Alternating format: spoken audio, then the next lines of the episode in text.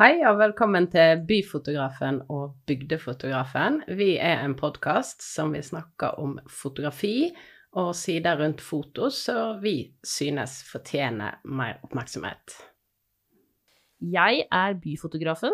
Mitt navn er Ingvild Konstanse Festival Melien.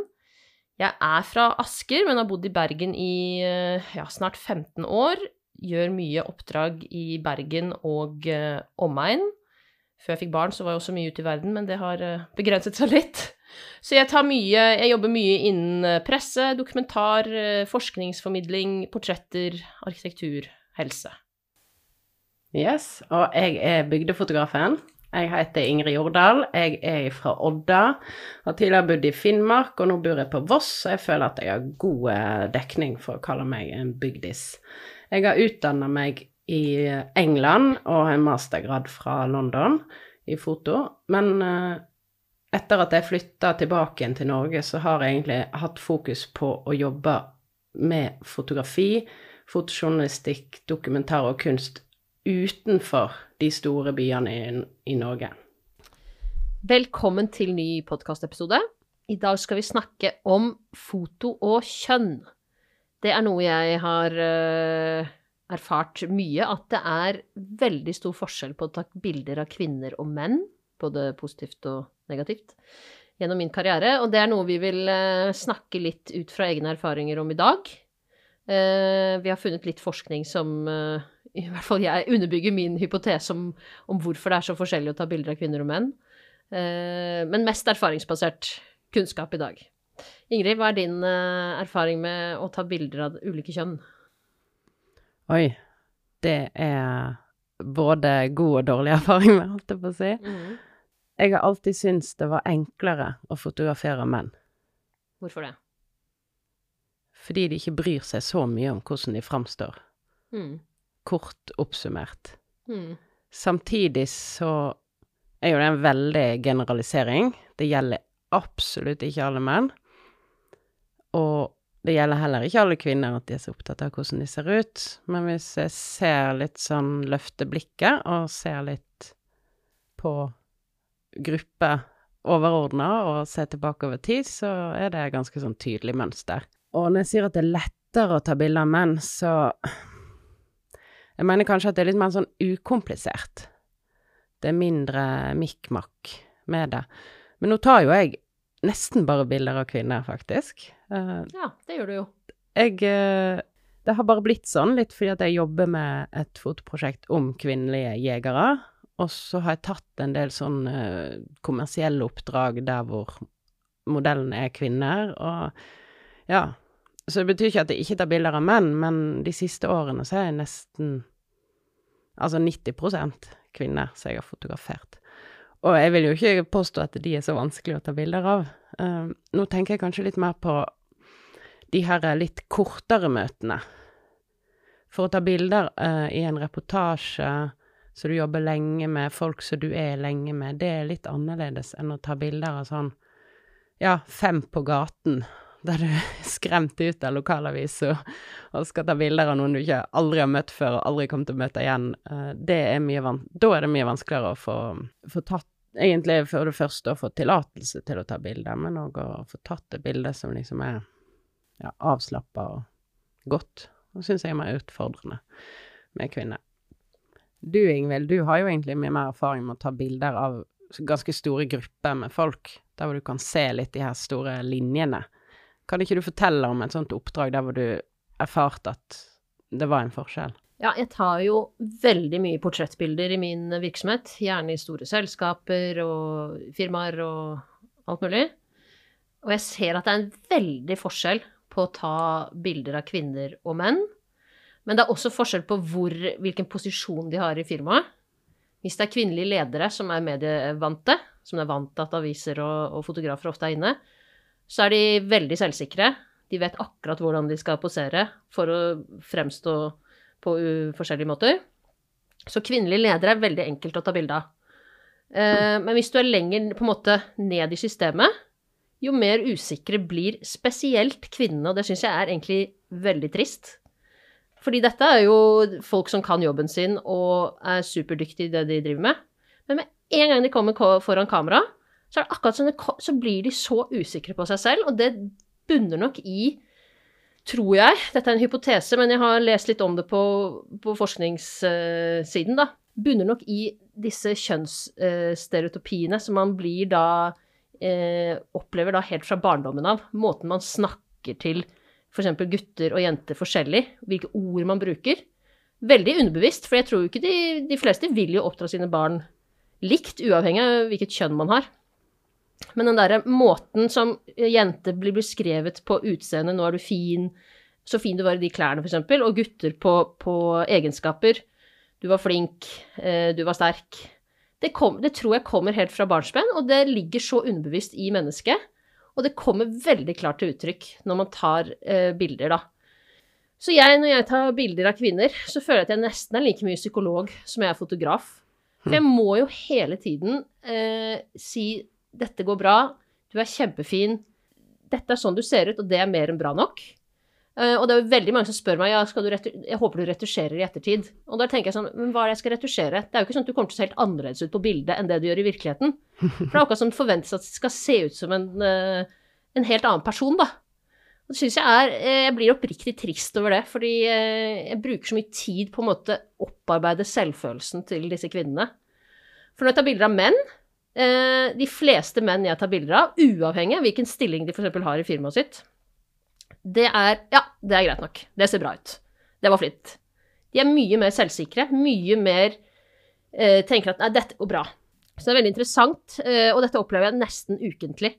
Hvor forskjellig eh, kvinner og menn tenker på seg selv. Og jeg har tenkt på, det er jo også eh, Man er jo ikke vant til å se seg selv på et bilde. Man ser seg jo alt, seg selv ser man alltid speilvendt. Ja, det er sant. Ja, fordi det er jo alle andre som ser deg på den måten du tar det bildet på, men du selv Mm. ser alltid deg selv speilvendt. Så når du ser deg selv på et bilde, så ser jo du slik alle andre ser. Og det er du ikke så vant til. Eh, og det tror jeg faktisk eh, har litt å si, fordi den måten Altså et bilde skal jo på en måte, i hvert fall i et firma eller en organisasjon, så skal jo det være kanskje representasjonen utad, ikke sant. Det er måten du blir framstilt på til, til alle andre som skal komme til denne jobben. Mm. Så selvfølgelig det er jo viktig hvordan man ser ut og hvordan man fremstilles. Eh, men at man er mye mer utseendefiksert når det gjelder kvinner, det er helt, helt klart. Det er jo fint å underbygge noen av disse påstandene og opplevelsene med litt forskning. eh, Og når jeg satt og søkte på kjønn og foto, så kom det opp flere forskjellige spennende artikler. Og blant annet så er det laget en masteroppgave av en som heter Erle Brun. Eh, og hun har sett på en, eller gjort en visuell analyse av kulturpersonligheter i Dagbladet-arkivet fra 1951 til 1971. Og der gjorde hun noen veldig spennende funn. Og hovedproblemstillingen i denne oppgaven, det var om kvinnelige kulturpersonligheter i Dagblad, eh, Dagbladet-arkivet ble representert annerledes enn sine mannlige kollegaer. Og dette var jo da i en tid hvor mange kvinner, flere kvinner var hjemme, og menn var yrkesaktive. Men eh, hun fant i hvert fall ting som jeg kan relatere til min, eh, mitt virke i dag. Og det er blant annet at flere kvinner smilte på bildene, mens menn ble avbildet mer seriøse. Eh, og det å smile på bilder har vært ilagt et typisk feminint trekk gjennom historien, og som tilleggs da egenskapene åpenhet, tilgjengelighet og det å være uproblematisk. Mens mennene, som ble eh, avbildet med, med en alvorlig mine, eh, de gjorde ofte gjerne en håndbevegelse som viser til det å være tillagt typiske maskuline egenskaper, som det å tenke, reflektere og det å være kunnskapsrik og handlingsorientert, kom da eh, denne masterstudenten frem til. Eh, og det er jo litt interessant, og jeg merker de ordene hun beskriver disse bildene med, det er sånn som jeg også ser at kvinner og menn i dag oppfører seg foran kamera. Ja, jeg kan òg kjenne igjen dette med å smile. Ja. At Kvinner vil smile. Og jeg kjenner det òg igjen i meg sjøl, når noen tar opp et kamera. Ja. Jeg vil det. Fordi kvinner blir jo ofte, hvis de ikke smiler, så får de kanskje høre at de er sure, prippende, eh, for strenge. Det og det, og jeg merker til og med at jeg selv sier 'nå må du smile'. Ja. Og det er jo den derre underbevisste Og det irriterer meg, da, for det er jo den underbevisste kjønnsstereotypien. For jeg sier det Mm. oftere til kvinner enn jeg sier det til menn. Det er helt forferdelig. Ja, det er jo det. Det er jo ikke tilfeldig at uh, hvis kvinner ser sure ut, så har man jo det flotte uttrykket 'resting bitch face'. Mm. Det finnes ikke om menn. Nei. Altså at du ser sur ut når du slapper av i ansiktet. Ja. Hvorfor fins ikke det uttrykket om menn? Igjen tilbake til dette med de uh, måten vi ser kvinner og menn på. Og jeg leste også, det er jo gjort flere studier på, på det med utseende. Hvor Mm. attraktiv du ser ut, uh, har mye å si for hvilken jobb du får. Og attraktive menn, altså menn som er pene, får ofte bra jobber. Uh, og blir også ilagt gode egenskaper nett i, i kraft av at de ser bra ut. Mens eh, jeg leste i hvert fall ikke det samme om kvinner. Eller kvinner blir også, i, altså de, de blir også ilagt egenskaper eh, når de ser, eh, har et attraktivt utseende, men andre egenskaper enn menn, da. Så det var interessant det med hun masterstudenten Erle Brun da, som, som ehm, fant dette da i et utvalg på over 600 bilder fra dette Dagbladet-arkivet eh, på en tidsperiode på 20 år. Som er over 50-60 år gammelt. Ja. Og fremdeles. Og fremdeles veldig- gjør seg gjeldende. Mm. Ja. Det er litt trist. Det er veldig trist, eh, Mm. for jeg opplever eh, som sagt til stadighet å, å måtte ja, være litt sånn psykolog, da. For kvinner som ikke tror de ser bra nok ut, eller er bra nok. Og de unnskylder seg jo ofte. Nei, uff, nå så jeg ikke bra ut. Nei, nå må jeg gå og se meg i speilet. Nei, det, du må bleke tennene, eller du må retusjere huden, eller Det er utrolig mye sånt. Av, eh, av kvinner helt opp i 60-70-årene. Hm. Så dette speiler på en måte hele alders eh, Et helt en hel, Altså flere generasjoner, da. At vi, mange kvinner tenker at det er så viktig, eller at det er risikabelt for de å ikke ta seg godt ut på Mm. bildet. Mm. At de risikerer noe ved å ikke se bra ut. Ja, jeg vet ikke. Det er jo derfor vi har denne episoden her også, for å snakke litt om det. Jeg vet Mm. ikke helt uh, hva det går i. Men at, at kvinner nok kanskje er mer redd for det, det tror jeg. Jeg har i motsetning til deg eh, ikke noe ordentlig forskning, jeg har bare svogerforskning, altså mine egne erfaringer, Mm. og det andre fotografer har sagt til meg. Ja, men det er jo veldig bra. Og det er jo ganske likt, uh, mange av de tingene. Det som jeg uh, har Jeg har jo jobba ganske mye i sånn litt mindre aviser, lokalaviser, og det går igjen ikke bare på fotografering, men òg på intervjuer. Um, typisk sånn som jeg nevnte i stad, sånn Fem på gaten eller et eller annet sånt. Det er jo ikke så veldig alvorlig, men det kan være vanskelig. Uh, og typisk òg sånne saker der hvor en skal ha noen til å uttale seg om noe. Og da er det ofte veldig vanskelig å få kvinner til å uttale seg, med mindre de er veldig gode på det, akkurat det temaet. Uh, typisk sånn var at vi liksom hadde en eller annen Ja, det skulle være en eller annen kommunereform, eller det skulle være et eller annet som skjedde som var litt sånn potensielt kanskje litt kontroversielt, eller noe som påvirka innbyggerne på en eller annen måte. Og så prøvde jeg å få tak i noen som kanskje mente noe om dette her, og da var det veldig typisk at liksom folk Kvinner var litt sånn nei, nei, nei, det får du spørre han om. Han, det er jo da gubben. Typisk hvis du møtte et ektepar som var ute og gikk, eller sånn. Eller hvis du ringer til noen som kanskje egentlig burde være kvalifisert til å snakke om det, så sier de sånn Ja, en kvinnelig eh, forsker, da, kanskje, eller byråkrat, eller så sier de nei, det her er ikke helt mitt felt, og så henviser de til en annen kollega. Men ofte opplevde jeg hvis jeg ringte til en eh, mannlig tilsvarende person, altså at det var litt sånn Nei, det her er ikke helt mitt felt, men jeg synes. Mm. Og så får du et intervju, og så er det kanskje Og det er jo egentlig sånn man vil ha det. Det skal jo ikke være sånn at du bare kan uttale deg om ting du har doktorgrad i. Men kvinner er mye mer påpasselige med å ikke si en masse ting som de ikke har dekning for, eller, og, og mindre tro på seg sjøl. Og det tror jeg Det henger jo sammen, sant, Ja. med det der fotografering og intervju Å bli intervjua og Ja, å vise seg offentlig, å være synlig. Mm. Det er jo fremdeles veldig skummelt for veldig mange, dessverre. Men det er samtidig litt rart, eller kanskje ikke rart. eh, Vi lever jo i en tid med sosiale medier, og veldig mange eksponerer seg jo selv på sosiale medier.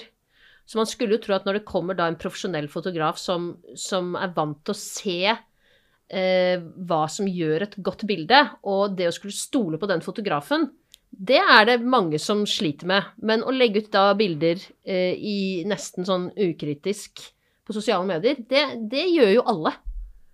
Ja. Ehm, så jeg vet ikke om det er fordi det kommer en ekstern, da, som skal, skal portrettere deg, at du ikke har Mm. kontroll over det bildet lenger. Jeg tror det er en ganske stor del av det, ja. Ja. At uh, altså, unge folk i dag er veldig vant til å ha fullstendig kontroll over hvordan de skal framstå. Det er jo Altså, folk under 25 Altså, de har jo blokk... De har jo stengte Facebook-profiler hvis de i det hele tatt har en Facebook-profil, og de er veldig bevisst på liksom hvem som skal få tilgang til deres univers, og hvordan de framstår der og sånn. Så det tror jeg jeg har Jeg tror denne respekten for fotografen på den måten, så folk hadde følt litt sånn ærbødighet 'Å, nå kommer fotografen'. Altså, den tror jeg er litt eh, på, eh, på utgående dato, altså. Det må jeg dessverre si. Det Men det, jeg, det spørs jo. Altså, det spørs på mange ting.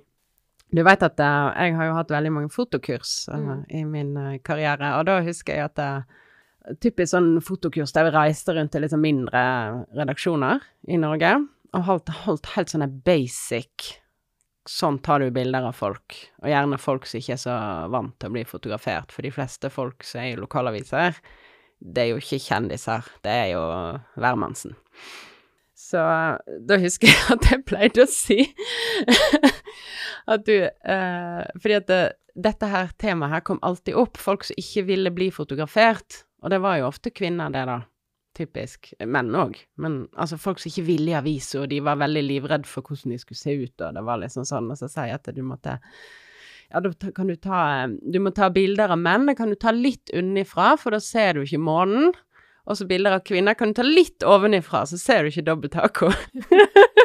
og jeg var bare med på Det var mitt fototips, da. Ja. Så jeg var bare med på å liksom sementere disse dundre inn til kjønnsrollene. Ja. For det er jo typisk sånn derre Litt unnifra, da er det noen som er liksom har litt sånn uh, autoritet, sant? Og litt ovenfra, da er det noen som ikke har autoritet. Og det er jo helt håpløst. Ja. Men, men det var liksom Men jeg ser jo, når jeg blar gjennom aviser, så ser jeg at det er sånn det gjøres. Og, og jeg gjør det sikkert sjøl òg, helt ubevisst. Mm. Og det er jo på en måte en Selvfølgelig, folk vil jo ikke ha dobbelt dobbelttaco si i fokus når de skal bli fotografert. Det er jo liksom En må jo finne måten å fotografere denne personen for, ta, så for at de skal ta seg best mulig ut, da. Det er jo Eller iallfall at de ikke skal skjemmes over det bildet. Mm. Og det er jo vår oppgave som fotografer også, er jo å portrettere den personen slik at de føler seg trygge, ivaretatt, og at bildet som kommer, er noe de kan like. Mm. Men eh, Absolutt. ofte så er det sånn at oppfatningen av en selv ikke stemmer med Altså hvordan man blir sett, på en måte. At man er så selvkritiske at man ikke klarer å se at andre mennesker Det er jo sånn de ser deg på, på en måte. Mm. Eh, Så det er jo det som ofte er en eh, utfordring, merker jeg. Men litt tilbake til det med kameravinkel. For det merker jeg jo også hvis jeg tar bilde av ledere, toppledere, og det gjør jeg Mhm. ganske ofte, så, så merker jeg Og det er uavhengig av kvinner og menn. Så tar jeg, kan jeg ta de ofte litt, eh, litt nedenfra, for da, da kommer litt den derre eh, vinkelen nedenfra opp, eh, at de sitter på toppen. Eh, prøver å unngå det, men det er jo noen ganger jeg gjør det hvis man f.eks. står i en trapp, eller man skal under, underbygge et moment i en tekst, f.eks. Uh, men så er det jo også det med plassering av armer. Hvis du står med armene i kors, mm. så virker du mye mer bestemt enn hvis du står med åpne armer, f.eks. Så jeg gir ofte tips og triks til hvordan du kan ha hender der du virker åpen, men bestemt. Altså det å kombinere flere egenskaper da, når du tar dette bildet. Um, for eksempel det å holde en penn, sånn at du ikke ser pennen, men bare sånn et pinsettgrep. For da Mm. slapper du av i hendene, automatisk så blir du mye mer avslappet i kroppen da, når du tar bilder, istedenfor å stå med hendene i kors. Eh, Så det er sånn trips, eh, tips og triks jeg eh, pleier å komme med. Eller det å lukke øynene, og så åpne øynene når bildet skal tas. Ja. Um, sånn at de slapper av i øynene og ikke anstrenger seg. Så det, og det å, det å slappe av er nok nøkkelen til hele, for det er jo mange som, som på en måte prøver å være en annen foran kamera enn det de egentlig er i virkeligheten. Ja. Så Kjenner meg igjen, jeg. ja, ja. Men tror du det her kan ha noe med fotografen selv å gjøre? Altså for eksempel kjønn på fotografen? Jeg tror det har ganske mye å si, ja, for hvordan eh, man fotograferer. Iallfall når du ser på det som Altså, ikke på ett og ett foto, kanskje, men når du ser på store mengder av fotografier. Du snakker om Dagbladet 1950 til 1970 i stad. Jeg vil jo regne med at nesten alle fotografiene i Dagbladet fra 50 til 70 er tatt av menn. Ja, i hvert fall øh, godt over 90 Ja, det vil jeg tro. Og så skulle man jo kanskje tro at det hadde endra seg radikalt, da, fram til i dag. Mm. Men det har det jo dessverre ikke gjort. Uh, nå er det jo veldig mange som er frilansere, men av faste fotojournalister, ansatte i norske medier, så er det vel Dette er tall fra 21, men uh, da var det 80% menn. Det er jo nedslående. Mm. Men 40% av de som går ut av fotojournalistutdanninga, er jo kvinner. Mm. Så det henger jo ikke sammen. Men når du ser på frilansere, så er det mye mer eh, jevnt fordelt. Så kvinner får altså ikke fast jobb som fotografer. Mm. Og det er jo det er jo et problem, og vi så det jo spesielt når covid kom. Eh, året etter så skulle de kåre årets bilde, og da var tre av 24 nominerte i årets bilde var kvinner. 21 av 24 var menn. Eh, Det tror jeg har sammenheng med at med en gang korona kom, så måtte alle fri... Altså, nå setter jeg det på spissen, men da måtte alle frilansdamene være hjemme og passe på unger, eller mista alle oppdrag uansett, mens de fast ansatte mennene, de fortsatte å fotografere. Ja, det kan Det- hende. Det er min svogerforskning, da. Mm. Uh, men det tror jeg har en sammenheng, fordi at det, det, det blei så tydelig. Og nå er det liksom ikke sånn at uh, alle andre år så er det 50-50 i årets bilde, for det er alltid en veldig skeiv kjønnsfordeling. Men akkurat det året var det ekstremt ille. Jeg husker ikke helt hvordan det var sist, men eh, det, det, be, det var bedre. Det var bedre i år. Dette bunner jo litt tilbake i den episoden vi hadde også med han øh, Per Einar Binder, Ja.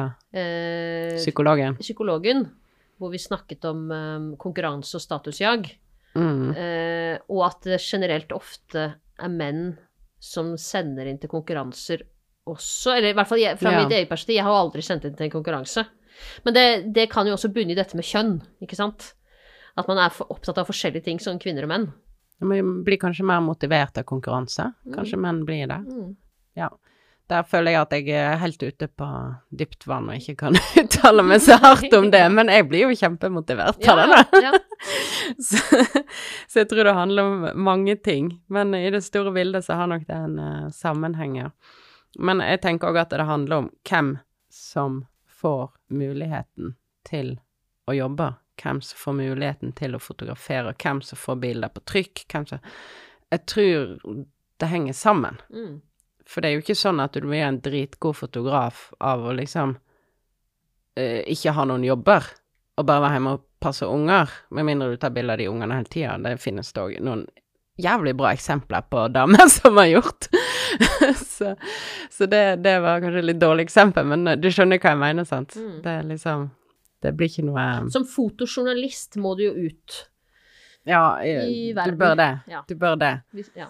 Ja. Um, Og der, eh, og ute i verden òg, så har jo kvinner andre kår enn menn. Drar du ut av Skandinavia, så er det annerledes. Det, og det, det er litt interessant, for det har jeg tenkt på. Det er jo en del kvinnelige fotojournalister som har snakka om, så ofte blir spurt sånn Ja, er det ikke negativt for deg å være kvinne når du reiser til Afghanistan, eller andre land der vi tenker at kvinner har det så forferdelig, og så sier de at ja, på en måte så er det utfordrende, men jeg tror det var hun Lindsay Dario i New York Times som snakka om det. Hun har jo reist veldig mye i Midtøsten, og hun sier at hun får jo tilgang på dobbelt så mange innbyggerne som hennes mannlige kollegaer, for menn får ikke være med inn i kvinners uh, gjøren og laden, men Ja. hun kan det. Ja. Så hun kan dokumentere kvinner i de landene. Ja, og det kan jeg relatere meg til, for jeg har vært i Midtøsten flere ganger og tatt bilder. Og jeg har jo sluppet inn til kvinnene Nettopp. fordi jeg er kvinne. Ja. Eh, samtidig har jeg jo ikke sluppet inn hvis det er i muslimske land, f.eks. Så er jeg jo ikke sluppet inn eh, Ja, f.eks. i moskeen, da. Som jeg gjerne skulle tatt bilder i. Mm. Eh, så det, det med kjønn jo, setter jo veldig føringer eh, for hvor og hvordan du tar bilder. Ja. Helt klart. Og, og også hvordan du tar bilder av, av de som du har, eller det du har foran deg, da. Absolutt. Det tror jeg. I den serien min om kvinnelige jegere, så har jeg jo hatt en del sånne erfaringer som er litt sånn underlige, når menn ser på de bildene. Ja, fortell. Eh, jeg I sommer så var jeg på en sånn fotofestival i Frankrike, og der var det der var, Det er sånn typisk sånn du går på sånn portfoliovisninger, så du betaler litt penger, og så booker du deg inn med sånn diverse viktigperer fra diverse magasiner, utstillingssteder, altså sånn typisk folk som det Hvis de syns dette er veldig bra, så kan du få deg en utstilling, eller du kan få en publisering, eller du kan få en jobb, eller altså sånn Litt sånn derre networking. Eh, så da møtte jeg ganske mange forskjellige redaktører. eh, og så var det en av de som var liksom Han så Han bladde gjennom disse bildene som viser norske kvinner i skog og mark og eh, som bærer våpen, slakter, jakter, er liksom Ja, er på jakt. Og så så han på de bildene, og så sa han sånn ah, det er ikke noe De er ikke feminine. Han sa at bildene er ikke feminine, og så Da var jeg veldig, veldig glad for at jeg liksom hadde vært på ganske mange portfoliovisninger, jobba lenge med dette prosjektet, og jeg bare tenkte sånn derre Bullshit. For han så Han så etter noe annet. Han så etter at det, Han syntes ikke at det var sexy. Mm. Fordi at eh, på, i oktober på Finnmarksvidda så har du liksom ikke på deg singlet når du er ute og jakter. Uh, du, du, du vommer ikke en elg i bikini, liksom. Men det var det han ville se. Han ville se mer hud. Ja. Uh, men han så jo ikke på bildene. Han så ikke at de var veldig feminine, for det er de. Mm. Og det vet jeg veldig godt, for jeg ser, jeg studerer de bildene, jeg har vist de til så mange mennesker, og det er veldig sånn Jeg jobber jo med å framstille kvinner på en Altså en kvinnelig og feminin måte, uten at det skal bli sånn herre objektiviserende, eksotifiserende og sexy, ja, at, da. At man ikke skal sette det inn i den kjønnsstereotypiske rollen, kanskje. Jo, altså, de kan, altså det, jeg sier jo sjøl det handler om kvinnelige jegere, så jeg setter det jo egentlig i en sånn uh, rolle, på en måte. Mm. Men jeg prøver kanskje å utfordre litt grann det her uh, oppfatningene rundt hva kvinner skal, og hvordan de skal gjøre Ja, det. nettopp. Det er litt mer det. Eh, og da er det jo sånn at hvis du er ei lita dame på 50 kilo, så klarer ikke du å løfte en hjort alene. Da må du ha med deg resten av venninnegjengen til å lempe denne hjorten opp på bilen. Og, og det blir et helt annet bilde enn å se en sånne to røslige karer. Så får du liksom fire blondiner som dytter på en hjort Mm. på en helt annen måte enn hvordan menn ville gjort det. Og det handler litt om hvordan vi fører kroppen, hvor sterke vi er, og, og hvordan man er mot hverandre. Det er en del sånn bilder som viser eh, samhandling på en annen måte enn jeg tror kanskje menn ville gjort det. Og bevegelser, bare sånne små håndbevegelser og sånne, som jeg syns er kjempefeminine. Men de var jo ikke sexy, liksom. Og derfor så Og da kjente jeg liksom så veldig på at han hadde et helt annet blikk enn meg. Mm. Og så tenkte jeg at han kunne jo aldri ha fotografert denne serien. Han hadde jo ikke greid det. Og det der, det der tror jeg igjen bunner i det med de der eh, forventningene til kjønn. Mm, Hva kjønn skal være. mm, Eller hva, hvem man skal være da, som kvinne, og hvem man skal være som mann, og hvem, hvordan man skal fremstilles. mm. Og hvordan man skal oppføre seg. Både Ja. foran og bak kamera. Ja, men nettopp derfor er det jo viktig at det er kvinnelige fotografer, det er mannlige fotografer, det er transfotografer, det er fotografer altså, fra minoriteter. Det er liksom Det er jo kjempeviktig, for ellers så får vi jo ikke innblikk i Da blir vi bare sittende og se på noe som vi ikke forstår noe av. Mm. Eller at vi ser alt utenfra. Mm.